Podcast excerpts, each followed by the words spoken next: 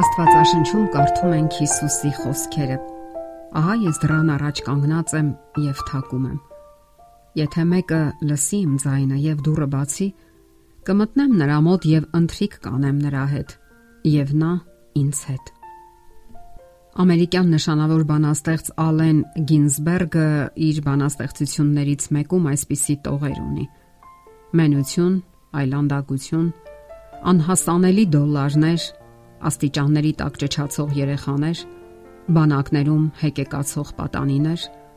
պուրակներում արտասվող ծերունիներ։ Սա մի փոքրիկ պատկեր է մեր օրերում տիրող իրավիճակից։ Այդ իրավիճակը կոչվում է միայնություն, եւ այն շատերին է ծանոթ։ Յուրաքանչյուր մարդ երևի այս կամ այն չափով զգում է այդ միայնությունը։ Երբ թվում է բոլորը մոռացել են ձեզ, Իսկ միգուցե հիշում են միայն անվանակոչությունների, ծնունդների եւ նմանատիպ այլ միջոցառումների ժամանակ։ Այո, մեր օրերում շատերն ունեն նման հիմնախնդիր։ Միայնություն, որն այլևս կատակ չէ։ Նա իշ տիրանների մեջ է առել մարդկությանը Դրան կարծես նպաստելու եկավ վերջերս համայն մարդկությանը ցնցած կորոնավիրուսային համաճարակը, երբ մարդիկ պարտադիր կամ կամավոր ինքնամեկուսացման են ենթարկվում։ Նույնիսկ թեթև հայացքն անգամ բավական է նկատելու համար, որ զգուշավորություն կա մարդկանց գործելակերպում։ Ամենից առաջ բժիշկները խորհուրդ են տալիս սոցիալական հեռավորություն պահպանել, չվարակվելու եւ չվարակելու համար։ Դա իհարկե բնականon է Իսկ բոլոր դեպքերում այն թեկուզ եւ ժամանակավոր կարծես հետ քայլեր մարդկային հարաբերություններում։ Վերջերս լրատվամիջոցներում ավելի հաճախ կարելի է կարդալ այսպիսի բովանդակությամբ հաղորդագրություններ։ Փրկարարները բացել են դուռը եւ բնակարանում գտել մահացած տանտիրոջը։ Նրանք բոլորը հիմնականում տարեցներ են։ Հասկանալի է նաև, որ նրանք բոլորը մահացել են միայնության մեջ։ Եկեք սրան գումարենք նաև ինքնասպանությունների վիճակագրությունը եւ մեր արժեվ իսկապես սահմարկեցուցիչ պատկեր կբացվի։ Շատ մարդիկ իսկապես դժվար են դիմանում միայնությանը։ Նրանք չեն ցանկանում միայնակ լինել, սակայն հանգամանքների եւ դաժան իրականության պատճառով միայնակ են։ Սա իրականությունն է, որի հետ պարզապես հնարավոր չէ հաշվի չնստել։ Սակայն ելք կա։ Մտածեք թե ինչպես պետք է դուրս գաք խղճահարության կապանքներից։ Մտածեք ինչպես դուրս գալ խղճահարության կապանքներից։ Դադարեք ամփոփվել եւ հետաքրքիր զբաղմունքներ գտեք ձեզ համար։ Թող ձեզ չկաշկանդի նաեւ տարիքը։ Մոռացեք այդ մասին։ Ահա թե ինչ է գրում կանադացի նշանավոր հոկեբան Ուիլյամ Օսլերը։ Ոչ մի մարդ չի կարող իսկապես երջանիկ լինել կամ անվտանգության մեջ,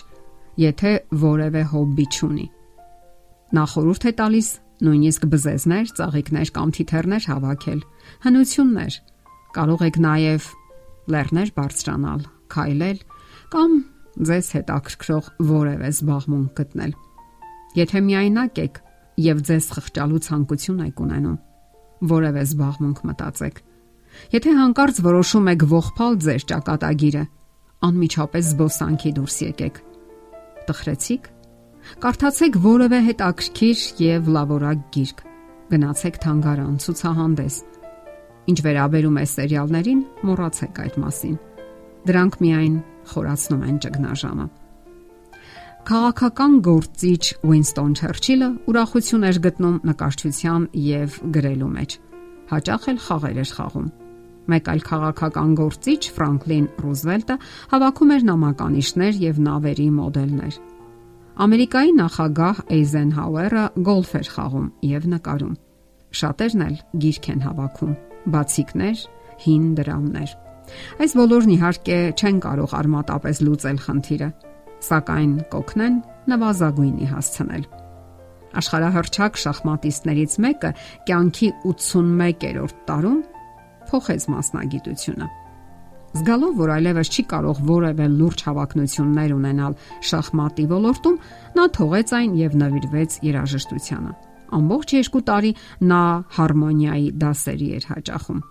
Ապա երաժշտական ծրագրեր գրեց եւ ղեկավարեց այն համակարգչով։ Բազմաթիվ երկիչներ եւ խմբեր դիմեցին նրան, որպիսի իրենց համար երաժշտություն գրի։ իսկ ասելով, դրանք միջինից բարձր որակի էին։ Եվ այդպես նա ապրեց մինչև 90 տարեկանը։ Նա սիրում էր կրկնել, որ կյանքը ամենարժեքավոր բանն է, որ մենք ունենք։ Մարդը պետք է հասկանա, թե որքան կարևոր է կենթանի լինելը ապրեք բովանդակալից եւ ճիշտ օգտագործեք ձեզ հատկացված ժամանակը։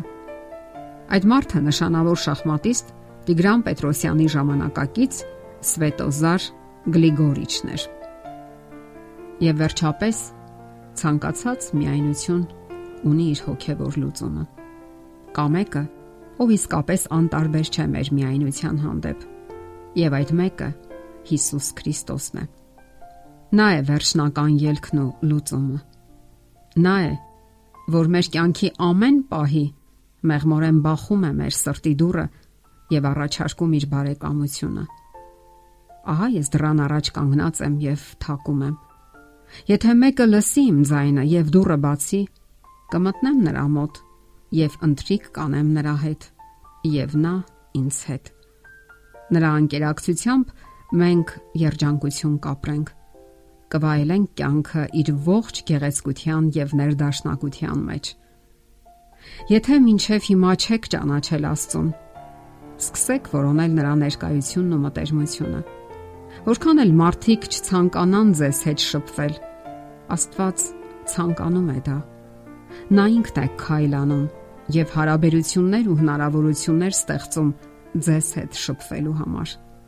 Չեք հավատում։ Կարդացեք մի վախենա, որովհետև ես քեզ փրկել եմ։ Քո անունով կանչել եմ, թե դու իմն ես։ Մի վախենա,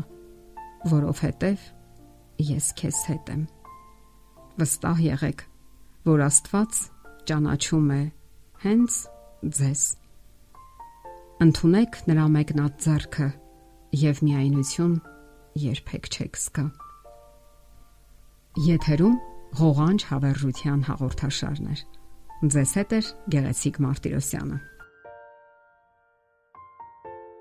Հարցերի եւ առաջարկությունների դեպքում զանգահարեք 094 08 2093 հեռախոսահամարով։ Հետևեք մեզ hopmedia.am հասցեով։